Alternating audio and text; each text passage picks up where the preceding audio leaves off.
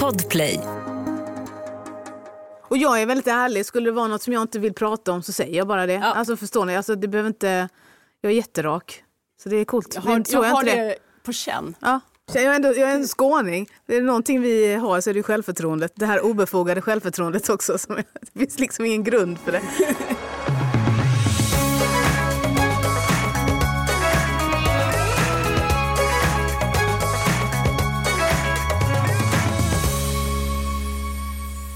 Nu är hon stjärna på slottet på SVT och föreställningen Jag är Gud kan du se på Netflix. Och har du bara noterat de här två lite hybrisdoftande sakerna om komikern och underhållaren Marika Karlsson, då har du faktiskt inte fått hela bilden. Den får du däremot i den självbiografiska boken Såna som du ska inte vara här. Och det är om den vi ska prata idag när Marika Karlsson är min gäst. Och sen kommer Mattias Timander att boktipsa om dagböcker som det faktiskt är tillåtet att läsa. Det här är det 20 avsnittet av Samtal om böcker. Jag heter Lisa Tallroth.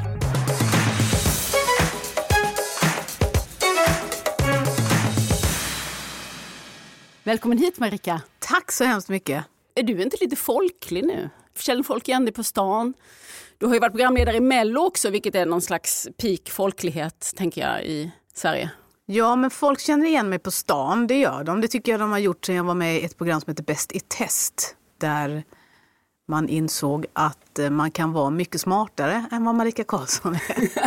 och det är alltid fint att få människor att känna sig smartare än vad de är. Så att, absolut att jag är igenkänd, men jag ser mig inte som folklig. Folklig för mig är personer som typ Lill-Babs och Babben Larsson och sådär, som liksom en hel nation vet vilken det är och som ingår i något sätt vårt kulturarv. Där är inte jag, men absolut att jag har varit med så pass mycket i tv att folk känner igen mig. Och just det här Stjärnorna på slottet, nu är du i den serien tillsammans med Carola, Grynet Målvig, David Lagerkrans och så skådisen komikern Per Andersson. Det är ni nu som i somras var på slottet nere i Skåne. Stämmer. Ditt avsnitt var det första. Jag måste få lite bakom kulisserna nu. Hur var det? Det enda som är tråkigt med att svara på den frågan hur det var är att det låter som floskler. För det var så jäkla bra. Alltså det var så roligt. Jag var så nervös innan. Jag, hade, alltså, jag visste också att jag skulle vara först ut och det var verkligen hemligt att ingen visste vem som börjar. Alltså de andra visste inte Nej, att det var du nej som de andra skulle vet inleda. inte att det är min dag. Nej, produktionen vet ju det Ja. då, såklart, men inte de andra deltagarna. Och jag var så nervös så det var helt sanslöst. Men varför var du nervös? Vad, vad var du nervös för? Men jag är nervös för ett, det känns jättekonstigt att sitta vid ett, kring ett bord och prata om sig själv och sin historia och sitt livsöde med massa kameror runt omkring. Kommer jag hålla berättelsen? Kommer jag hålla intresset vid liv? Jag glömde faktiskt kamerorna ganska snabbt. Men jag ville ha de andra deltagarnas närvaro på riktigt. Att de inte spelar, att de sitter och, och är vid ett bord och egentligen sitter och tänker på vad ska jag göra när jag kommer hem och jag måste mejla de mejlen. Och också, också att berätta min historia återigen utan att göra det, förminska den eller bara rapa upp den utan att vara i historien så som den faktiskt är. var jag också nervös för. Och jag var inte beredd på att tårar skulle komma. Eh, och då kan man oftast efteråt känna sig lite generad över det och att det känns nästan lite privat och sådär. Men sen fick jag prata med mig själv och, och vara med så att så är det och så är livet och vi är alla både starka och svaga och stora och små i olika situationer och låta det vara så. Mm. Kring det här Stjärnorna på slottet så finns ju lite förhoppning i luften om att just det du var inne på, det ska bli lite osämja. Vi har några famösa så här riktiga bråk i programmets historia. Och jag vet att i alla fall Aftonbladet var där och försökte pilla upp någonting för eh, de hade rubriken att Marika Karlssons religiösa krock med Carola i SVT. Hade ni en religiös krock? Nej, det är det som är så roligt att det här, man hittar på. Det hade ju kunnat bli det. Om Carola hade varit en annan person så hade hon ju kunnat trigga mig så att jag hade blivit irriterad. Absolut, om hon har försökt att frälsa mig till exempel. Det går inte för mig, jag slår ju bak ut direkt. Det hoppar på alla mina nerver. Har man läst min bok kanske man också kan förstå lite varför. Men hon är inte sån. Hon är världens finaste. Hon är liksom mer så, men du får tro på det du vill. Om du är glad så är jag glad. Och så tror hon på det hon tror på. Och då är jag hur fin som helst.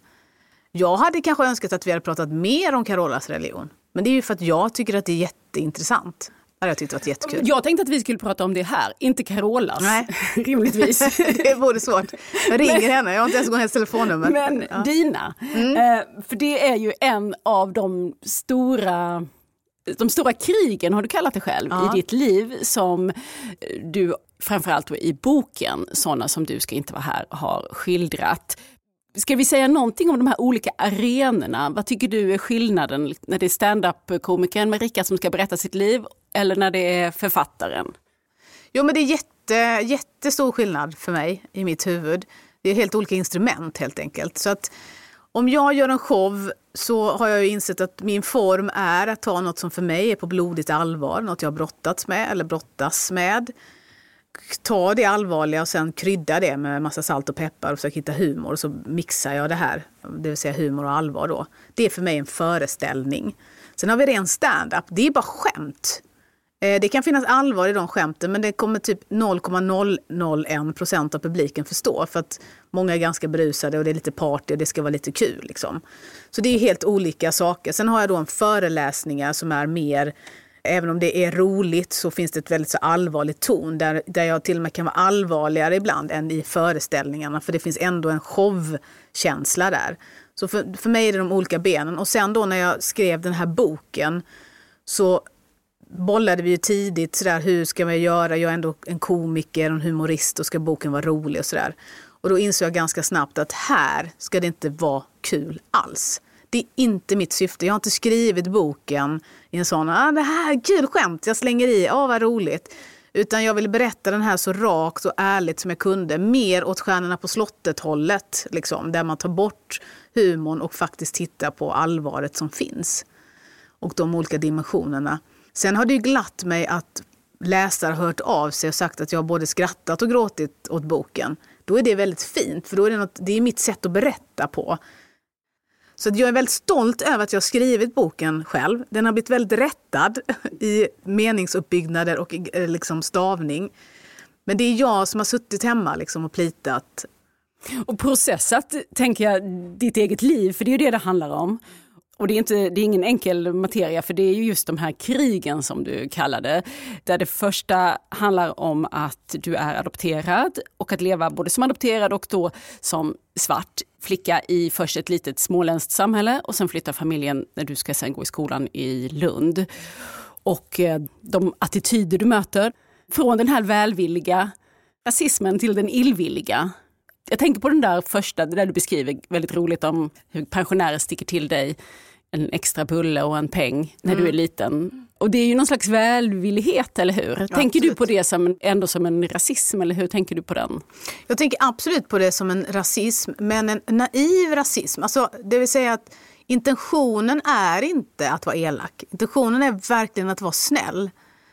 Men vad personen i fråga för, inte förstår är att det är en exotifiering till exempel. Och det är också en markering att du är inte som oss andra. Dig är det något som många säger att jag är annorlunda. Jag tycker det är så, kan, vaha, vad är det som är annorlunda med mig? Ah, jag råkar ha en annan hudfärg än majoriteten. Då är jag annorlunda.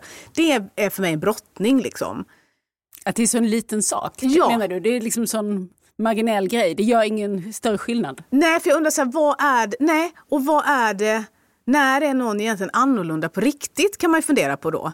Eh, men så fort du bryter från den normativa eller den stora gruppen så blir du annorlunda.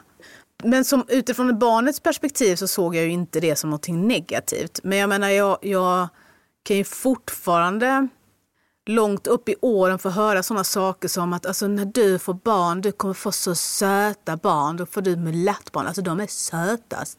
Det är också en sån här, man bara, alltså det är så mycket, det är så många bottnar i det, i den kommentaren som inte den personen förstår.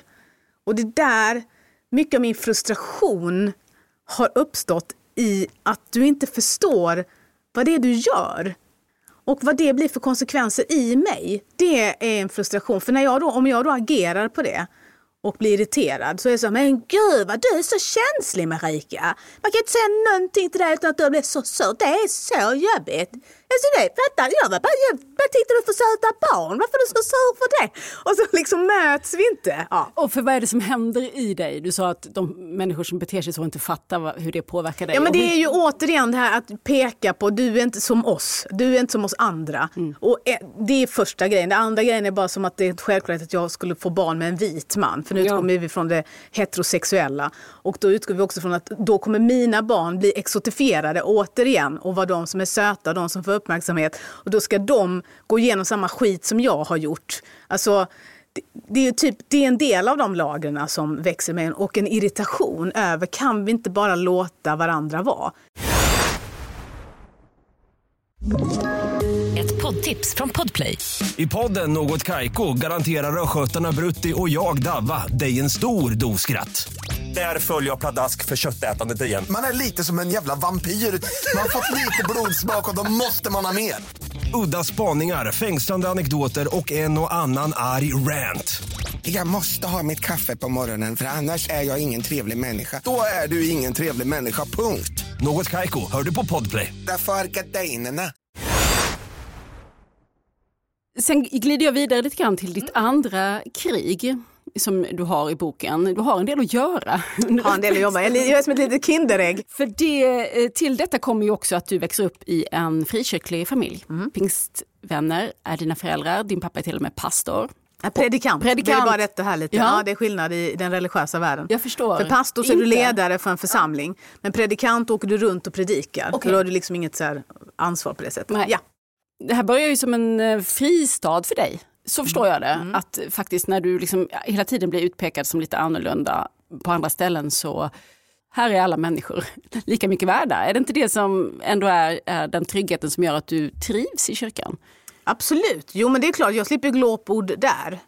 Eh, den, den, den, positiva rasismen finns ju absolut och mycket att jag ska vara tacksam för att jag kommit hit och så och fått det så bra. Men det är ju för mig fortfarande ganska så lätt att se förbi för att återigen är det varma ögon som säger det och det är snälla ögon som säger det. Jag behöver ju aldrig höra någonting som att jag ska åka hem eller att sådana som du ska inte vara här. Utan det finns ju väldigt mycket kärlek och värme och det är ju klart en räddning och där har jag mina kompisar. Där får jag kompisar som, som hänger med mig för att de tycker att jag är rolig att hänga med. Liksom.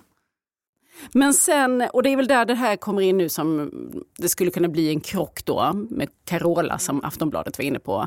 Att du har ju tagit avstånd nu som vuxen från Pingstkyrkan, den har du lämnat. Mm. Hur har du med Gud nu för tiden? Eh, ja, jag har lite olika svar på det, men den här traditionella gudarna, eller guden som det vi säger när vi menar Gud, det tror inte jag på. Alltså jag tror inte på kyrkan och kyrkor. Ibland säger jag att jag har skapat mig en egen gud som jag tror på. För jag tror ju på någonting som är större än mänskligheten och människan. Jag tycker om den tanken fortfarande. Jag tycker om en tanke på att det händer någonting efter vi dör på något sätt. Att inte livet bara är det här. Och sen då är det ju inte, jag har ju inte någon form som jag är så här, det här tror jag på, det här tror jag inte på. Men en andlighet finns kvar i mig. Det är nog djupt rotat i mig. Det finns en nyckelscen, tänker jag, i boken. Det är när du och när du nu i vuxen ålder tillsammans med din flickvän är i New York och eh, ska gå på en gospelgudstjänst. Det är i alla fall det ni hoppas på mm. i Harlem. Sen visade det sig att det var, det var inte så mycket gospel utan det blev mer så hardcore eh. Mm. Och du sitter där i kyrkan, det är väl din tjej som har dragit dit dig. Mm. Du är lite där med hälarna i backen. Kan du inte berätta lite grann om vad det är för tankar som går genom ditt huvud när du sitter igen i den här miljön? Ja, men det, det väcker ju så mycket. Dels väcker det ju eh, egna minnen från min egna barndom och uppväxt. Och hela den här situationen av att det står en person i talarstolen och säger saker och att folk sväljer det med hull och hår utan att det finns något ifrågasättande i rummet överhuvudtaget. Så han hade kunnat säga typ vad han hade velat så hade alla bara halleluja, amen, halleluja. Och så ser jag barnen som sitter där och det hoppar ju lite i mig då. För jag tänker så här, de har ju liksom inget val utan man fostras in i det här och att det är det naturliga. Jag kan se mig själv som liten, hur jag har suttit någonstans och, och tagit in. Därför att för mig var också brottningen med det religiösa kommer inte från mina föräldrar. Det är så viktigt för mig att skilja på det även om min pappa är teolog och han är då predikant så har han också lärt mig att ifrågasätta. Han har liksom tagit mig efter lägren, satt mig vid skrivbordet och bara brutit ner alla mina nyfrälsta argument som jag har bara svalt med hull och hår. Han har brutit ner dem till, till pulver. Och tårarna på mig har runnit och han har bara varit helt så, du måste ifrågasätta, du kan inte köpa det någon annan säger. Det är farligt Marika. Och trots det så har jag ändå bara köpt det som har sagts. Liksom. Och hur lätt det är att manipulera människor, hur lätt det är att styra människor. Och hur lätt det är att det här blir helt fel också. Alltså att vi går åt ett annat håll än att vi bara är snälla medmänniskor utan att man gör liksom andra saker. Det är så mycket av den typen som snurrar i mitt huvud. Vad är det här? Vad är det för värld? Varför gör vi så här? Vad har vi för behov av det? Är det att det är så skönt att släppa ansvaret för sitt egna liv? Att man lägger det i Guds händer så att liksom, jag kan inte göra någonting åt det. Alltså, ja, jag vet inte riktigt. Ja. Det du beskriver nu är ju nästan att det drar åt det här eh, sekteristiska eller att man passar på varann också väldigt mycket. Och det beskriver du att du uppfattar att kyrkan gör, pingstkyrkan som du är med i. Men jag tänker, hur hänger det här ihop med tron? För man skulle ju kunna bara säga att det här är en, en tokig kyrka. Alltså det är för enkelt att göra så tror jag. För att de flesta kyrkor pratar, har ju ändå någon som predikar. Man, har, man förkunnar Guds ord. Och då måste vi också lägga till att Guds ord är Bibeln och Bibeln ser vi som en helig skrift. Det här är liksom inte som att läsa Pippi Långstrump-böckerna utan det här finns ett budskap eh, på något sätt som Gud har kanaliserat via människor för hur vi ska bli goda och bra kristna människor. Och det är det vi alla vill. Och vi vill att den här världen ska bli bättre. Så där har du liksom en båge i vad det är som förmedlar. Och sen ska jag då som medlem ta det till mig och föra det här goda budskapet, den här ljuslågan vidare. Det är det på något sätt som, då kan man inte bara säga att ah, men de, det de säger är galet, det är oh vad de är konstiga. Och just Pingstkyrkan har ju i alla fall haft också missionerandet som en väldigt, det är ju en, det är en bult liksom i församlingen. Det är ju, och du sitter ju och tänker på det där mm. i Harlem, just allt, allt fantastiskt bra faktiskt som kyrkan har gjort, hur många människor man hjälper. Ja men, det, ja, men det, absolut, Pingstkyrkan har ju gjort enormt arbete, dels i uländer men även liksom här i Sverige. Och det var ju något som jag tyckte väldigt mycket om när jag var kyrkligt aktiv och det är också något jag kan sakna idag att du, det är inte så lätt att göra någonting för en medmänniska. Som 2015 när flyktingvågen kom och, och jag ringde till massa ställen. Hur gör man för att lämna hos så här, alla liksom flyktingförläggningar som har så vi kan åka dit med en bil full med grejer. Och då var det så nej det får man inte utan då skulle det till liksom de här second hand-butikerna istället. Och man bara, ah. För när, man var, när jag var aktiv i kyrkan så var det hela tiden med det här hands-on. Det är ju kyrkan öppnar ju upp och där är det människor, det åka dit med grejer. Det det tycker jag är ett fantastiskt arbete och det kan jag också sakna att vara en del i. För det du sitter och tänker där i Harlem, du frågar dig själv varför du blir så provocerad när religiösa människor vill hjälpa. Mm. Har du kommit fram till varför du blir ja, så är, provocerad? Jag tror att det är för att jag tycker det finns en baktanke. Uh -huh. Alltså det är så här, hej, du är fattig, du har ingenting. Jag hjälper dig få vatten, du får hus, eh, fixa en höna. Alltså, du får ett fantastiskt liv. Och titta här kommer lilla Gud också på köpet. Så det är inte att man bara gör det, bara så här, nu lämnar jag dig, lycka till, hoppas allt går bra, utan det är också så här att det finns hela tiden baktanken att jag ska frälsa dig, men innan jag frälser dig så ger det dig det nödvändigaste du behöver just nu. Och sen så säljer jag in min gud. liksom, det är som en jag... dålig försäljare som kommer. jag förstår, men jag tror att man eh, som troende levde i föreställningen att man gör någon en tjänst om de får liksom kontakt med Gud. Också. Jo men såklart, det är, men det är ändå ett... uppsåtet är ju varför åker du iväg? Du åker iväg för att missionera. Och jag tänker mig att i början så åkte de ju säkert ner och bara tro på Jesus och Gud. Folk bara, jag håller på att dö, jag skiter i din Gud, jag har en egen Gud här som är toppen. Liksom. Ah, det är okej, okay, folk lyssnar inte, hur gör vi då? Ja, men ni bygger någonting så folk kommer dit. Ja, det är som, alltså, man har ju tänkt ut en strategi. De är ju försäljare. Liksom. Så tänker jag. Och det blir för mig en provokation därför att det finns andra människor som kan åka iväg till ett fattigt land och göra precis samma saker utan att sälja in en gud dessutom. Alltså, det finns ingen förpliktelse, det finns inget du måste göra tillbaka. Nej. Men, och hur går det till? Hur gick det till för dig när du liksom slutar eh, tro på det här? Alltså första, jag tror första problemet för mig med kyrkan är att mina föräldrar separerar. Och då, vi har redan pratat lite om att min pappa hade någon form av position i, i den här rörelsen. Och, så det är oerhört tabubelagt och skamfyllt, inte idag på det sättet som det var då. Där förenades faktiskt jag och Carola i. Hon förstod precis vad jag menade när jag sa det. Det vet jag att jag tänkte på på Stjärnorna på slottet. Att hon fattar vad det är jag försöker förklara. Därför att hon har upplevt precis samma sak när hon separerade från sin dåvarande man. Och där krackelerar kyrkan så ganska brutalt för mig. För att kyrkan är inte det jag tror att den ska vara. Jag får inget stöd där, jag, får ingen, jag känner ingen gemenskap, det är så mycket tissel och tassel. Och där har jag mer så fall stöd helt plötsligt från folk utanför kyrkan som också har föräldrar som separerar och, det, och lever i det här kaoset som det innebär. Och där är jag så här, jag pallar inte vara kvar i Lund. Jag får panik. Den här stan är för liten. Och det är liksom, jag har börjat dricka alkohol, jag har börjat vara ute och hångla med killar och allt det här är så tabu. Det är så, det, du har lämnat jag, den smala vägen? Ja, alltså jag, och det börjar bli så brett och det börjar bli så roligt och jag vet inte vad jag ska ta vägen. Då drar jag iväg till London och där blir jag då förälskad i en kvinna. Det är liksom en ytterligare dimension, men mitt hjärta och min tro och allting är fortfarande kvar och förankrat i den religiösa världen. Men där börjar en annan typ av frigörelseprocess från kyrkan, för att det är det det är för mig. Det går inte på natt, utan det här är liksom en lång process som tar flera år för mig. Och det är liksom som att du ska börja om, eh, alltså starta om hela livet på nytt. Fast hela tiden tänka, men vad vill jag då?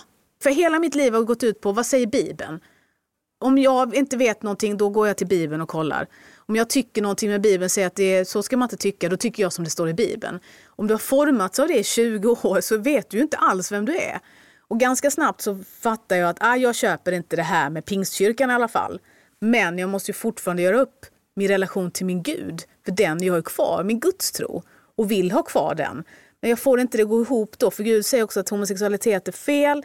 Sen har Gud skapat mig till sin avbild och då är ju jag en del av Gud. Och får jag då inte älska vem jag vill och varför får jag inte det och är det något fel på mig? Och bara, bara. Det, är, ja, det snurrar. Jag har nog föreställt mig ändå att, att tro är en en känsla, en sån där sak som man inte riktigt väljer. Det är som en förälskelse eller en relation och så antingen så är man kär eller så är man inte kär. Ja, ja. och att det är, inte, det är inte någonting man kan bestämma sig för att jag tror eller inte tror. Eh, det, vad, vad säger du om den föreställningen? Är det en naiv, icke-troende person som... Nej, men alltså, det är väl det som är det svåra kring tro, är att det är inget som är rätt och inget som är fel. För så kan det vara för några människor jag har inte någon sån, det finns inga pekpinnar hos mig längre utan jag är med så ja absolut, tycker du? jaj, men så länge vi bara liksom är snälla mot varandra så kan det väl vara vad som helst. Men det som jag vet att det var min största insikt om i den biten av boken, i mitt krigande kring det här med liksom livsåskådning, religion och tro och Gud och Jesus. Det var när jag kom på det att, vänta här nu, Gud då offrar ju sin son, alltså han skickar Jesus till oss. Och sen så offrar han ju då Jesus att han dör. Det är liksom ett offer för oss människor, hela mänskligheten. Och sen återuppstår han på tredje dagen. Det är liksom fundamentet i min gudstro. Alltså Jesus, den symboliken, allt det står för. Och det är också en sanning, har alltid varit en sanning då under mina religiösa år. Och så slog det mig så här att då har jag också, jag ska hela tiden ta konsekvensen av den handlingen som Gud gör. Alltså att han offrar sin son för mig ska vara att visa sin kärlek och då ska jag visa det tillbaka hela tiden. Alltså man mm. har så dåligt samvete. Han offrade sin son, jag, jag ska göra allt för att du ska känna att det var mm. värt. Men sen kan jag känna så här, då inser jag, men jag bad aldrig om det offret. Gud gör ju det offret för att han vill det. Och jag ska ta konsekvenserna av det offret du har gjort för att jag har aldrig bett om det. Det blev för mig en sån twist i mitt huvud. Just det, det är det det handlar om för mig mycket i det religiösa, att man lägger på människan, alltså lägger på individen eller människorna att det här har din Gud gjort för dig, vad gör du tillbaka? Och jag bara, jaha, men han behövde inte, alltså, jag bara säga så här, han behövde inte göra det. Det var jättesnällt. Men det var inte någonting som jag krävde eller ville ha. Ja. Men så den här um, storheten som du ändå tänker dig, eller vad använder du för Du säger, du säger att du ändå idag föreställer dig att det finns någonting större ja, ja. än bara vi då små människor som knatar omkring på jorden. Vad ligger i det där större begreppet? Är det, något, är det helt kravlöst eller är det? Ja, utifrån om du jämför med religion så är det kravlöst. Alltså som kärlek för mig är ganska kravlöst beroende på hur du tittar på det begreppet. Men om jag älskar någon, om jag älskar min fru eller om jag älskar min hund eller om jag älskar mina föräldrar eller vad det nu än är, så älskar jag ju dem. Alltså det är för mig kärlek. Den är ju ganska kravlig. Jag ger ju liksom. Och kärlek är för mig större än vad människan är och vad mänskligheten är. Det handlar om en annan dimension. Och så vill jag i så fall se på det här andliga eller det som är större ett sånt perspektiv. Där det inte handlar om liturgi, det handlar inte om vad du ska, det handlar inte om förbud, det handlar inte om regler, det handlar inte om någon bok, utan det handlar om att man bara älskar någon annan. Och hur ser kontakten ut med det här större? Jag menar, jag tänker det är ju en slags trosutövning då. Mm, mm. Eh, hur ser den ut för dig? Den bara finns. Finns det en, en, dialog i ditt huvud? Finns det en kan det eh, finnas, tanke? Ja, kan man... finnas såna, det kan finnas sådana som är helt baserat på när jag vill eller när jag öppnar upp den eller att jag upplever att jag får något och skickar upp ett tack. Alltså så. Absolut, men det finns liksom inga... Det krävs inte att jag gör något en gång i veckan, typ åker till kyrkan och sitter i en bänkrad för att visa upp för andra att jag följer ett visst sätt att leva. Och det är för mig personligen en enorm skillnad och väldigt viktigt. Sen om, om man analyserar det så är det säkert sak samma i vissa sammanhang på ett visst plan i ett utövande av en, av en tro. Men för mig handlar det om att jag måste få vara fri i min tro. Att det inte finns någon som kan säga till mig att du tror fel nu. För jag slår bakut då. Ett poddtips från Podplay. I fallen jag aldrig glömmer djupdyker Hasse Aro i arbetet bakom några av Sveriges mest uppseendeväckande brottsutredningar går vi in med hemlig telefonavlyssning och, och då upplever vi att vi får en total förändring av hans beteende. Vad är det som händer nu? Vem är det som läcker? Och så säger han att jag är kriminell, jag har varit kriminell i hela mitt liv men att mörda ett barn, där går min gräns. Nya säsongen av Fallen jag aldrig glömmer på Podplay. Fördomar är ett av dina favoritområden. Bra källa till eh, skämt såklart, stand-up. och, och det är ju också något som du har fått känna på rejält mycket i ditt liv, så det kan du berätta om på flera olika sätt och göra i boken. Men jag har tänkt på det där att Alltså kristna personer tror jag i Sverige, men kanske i synnerhet frikyrkliga personer i Sverige, är lätt att avfärda som lite, lever lite i sin egen bubbla och sådär. Jag tänker helt enkelt så här, är det, är det någon skillnad mellan att driva med pingstvänner eller att driva med någon annan eh, grupp, eh, religiös grupp? Det är det säkerligen. Det tror jag absolut att det är. Eh, men jag har ju bara kunnat studsa från den erfarenheten jag har. Och jag har, tycker själv i alla fall, att jag inte har gått de lättaste vägarna alltid med pingstvänner. Att jag har drivit om dem absolut och hur det var för mig och det här med sexualiteten och läger. Och det är väldigt, den här showen jag gjorde, Jag är Gud, jag har aldrig pratat så mycket liksom under bältet som jag gjorde i den showen och skämtat om det. För det, och det beror också på att det är en så stor del av religionen och det sammanhanget jag kommer ifrån och det landar i min egna sexuella läggning. Men jag har inte drivit om tungotal och jag har inte drivit om falla i anden och jag har inte drivit som liksom starka symboler för en pingstvän. Där jag hade kunnat dra ner skrattsalver och håna på ett oerhört respektlöst sätt tycker jag.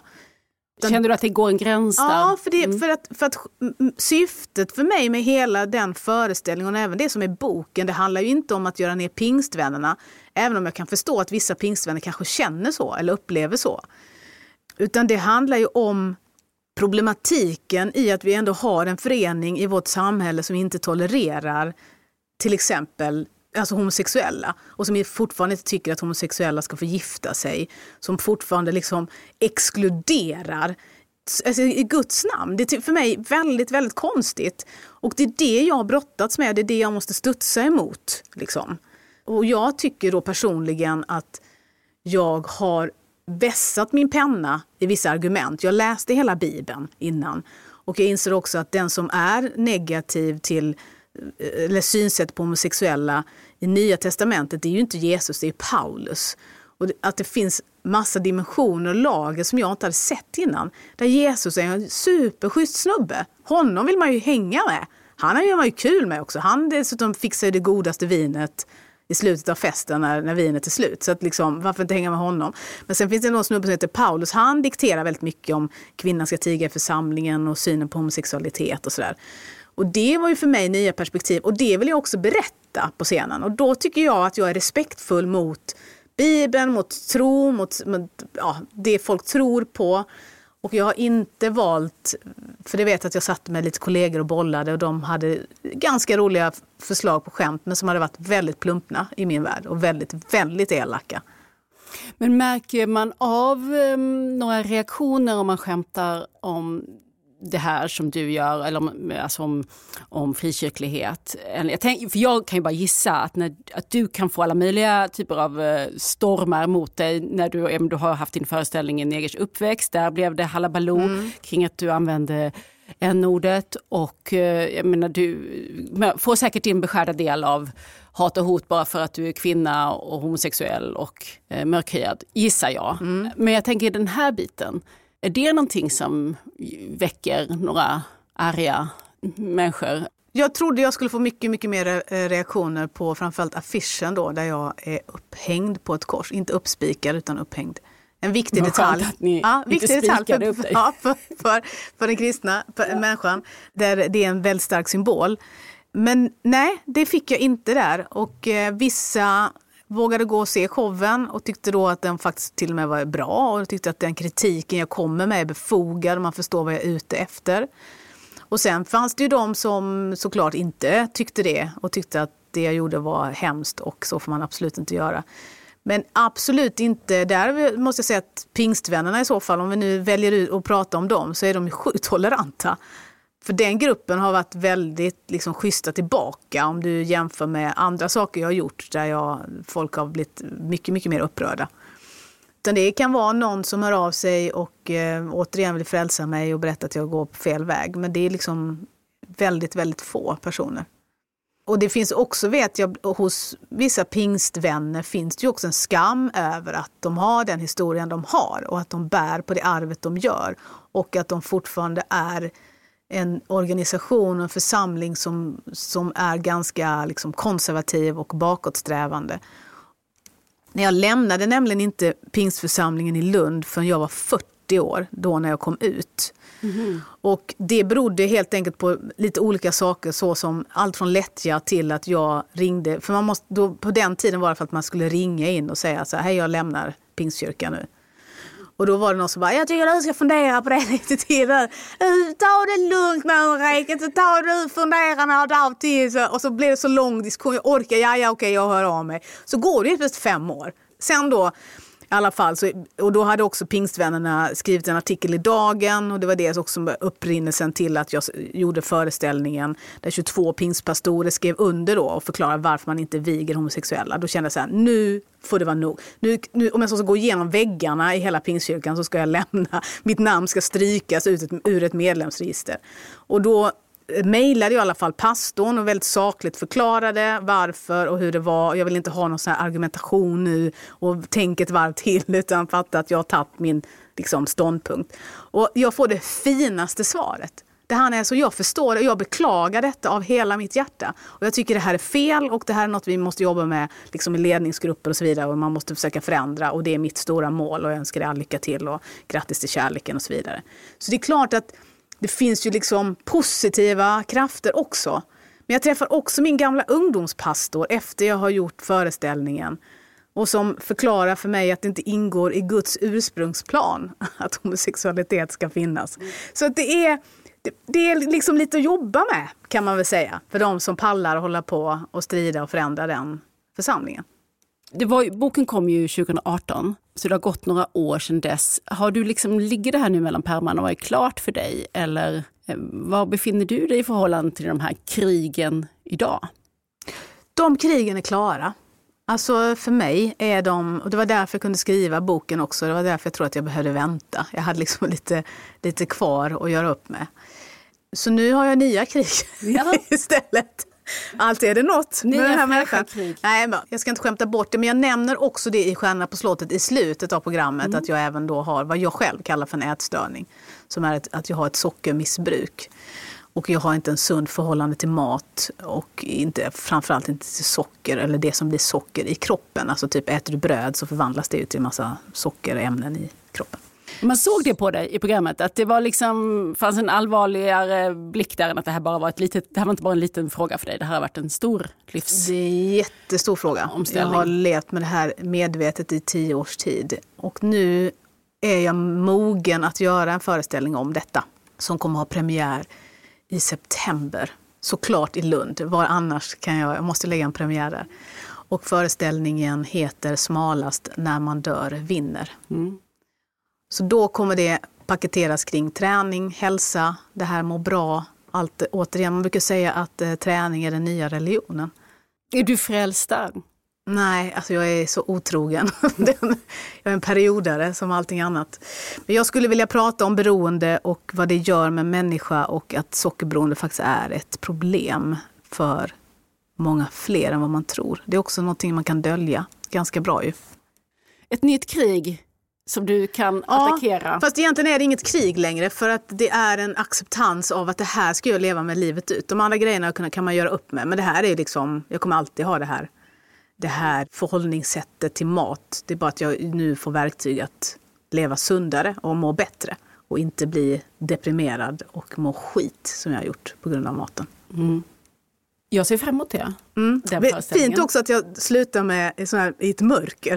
nej, nej, ett jag, allvar. Som jag förstod det fanns det en lösning där någonstans. Ja men det finns alltid en lösning. Ja. Halleluja och ja. amen på det. ja. Sådana som du ska inte vara här är titeln på din bok. Men eh, vad kul att du har varit här. Marika Karlsson, tusen tack, tack för att, för att du kom hit.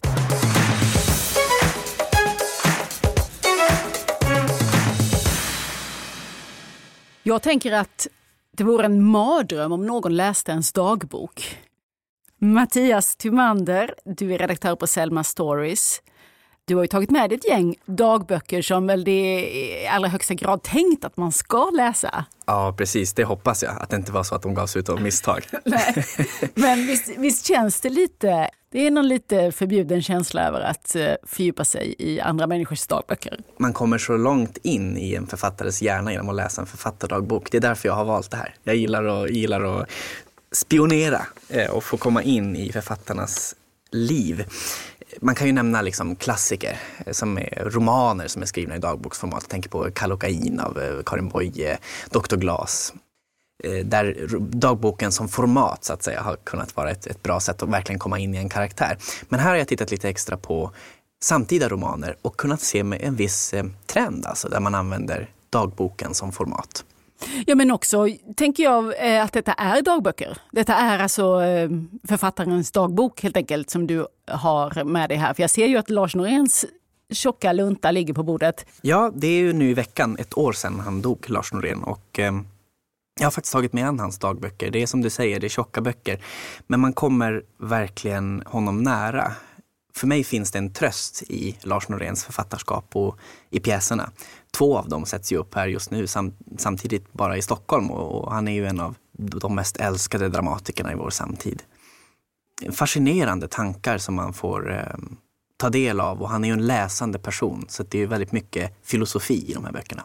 Men också ganska mycket vardagsliv. Jag har bara, jag har bara hunnit läsa i den första delen och jag ska erkänna att jag, jag läste kanske lite så här, eh, lite bläddrande också för att det är högt och lågt, kan man inte säga det? Verkligen, och är man en sån som gillar honom som person, han var ju en fascinerande person, så är det här särskilt kul för man får verkligen se liksom vad han äter för mat, vad han eh, läser för böcker.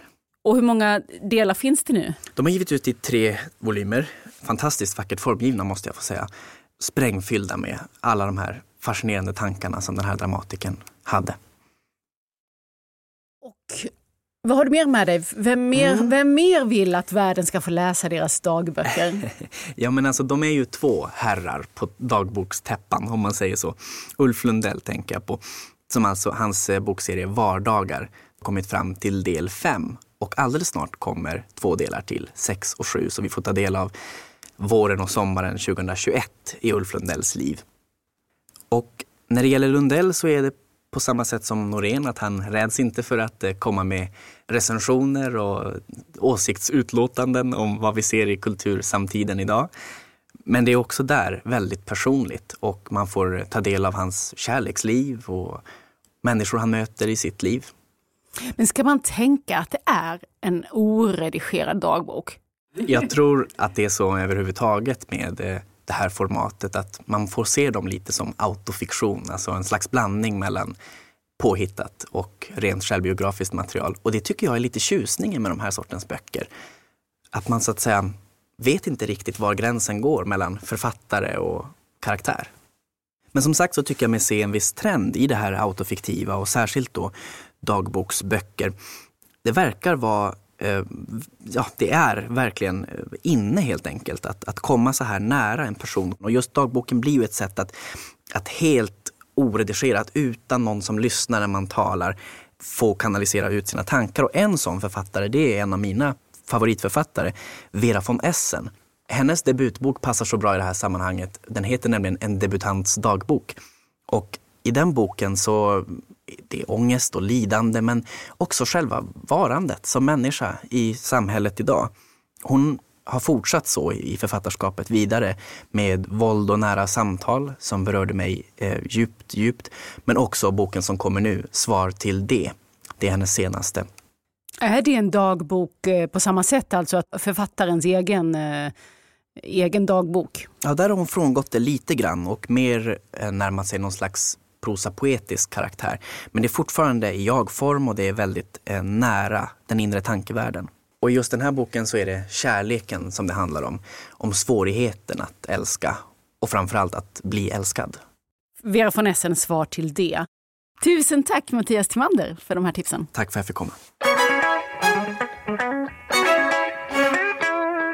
Nästa vecka här i Samtal om böcker hör du Åsa Eriksdotter.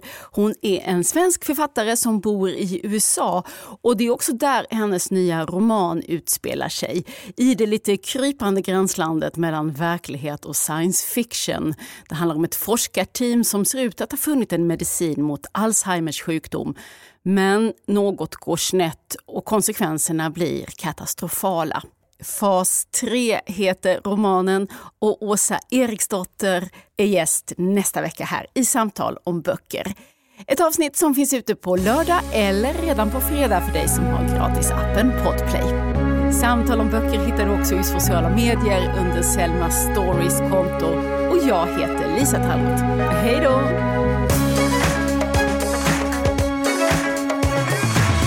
Du har lyssnat på Samtal om böcker, en podd från Selma Stories.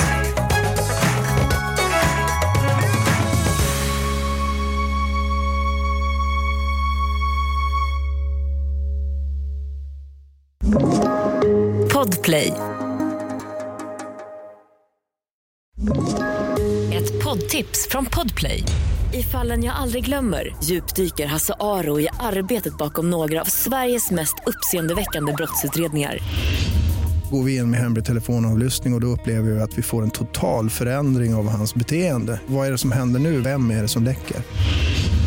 Och så säger han att jag är kriminell, jag har varit kriminell i hela mitt liv men att mörda ett barn, där går min gräns. Nya säsongen av Fallen jag aldrig glömmer på Podplay.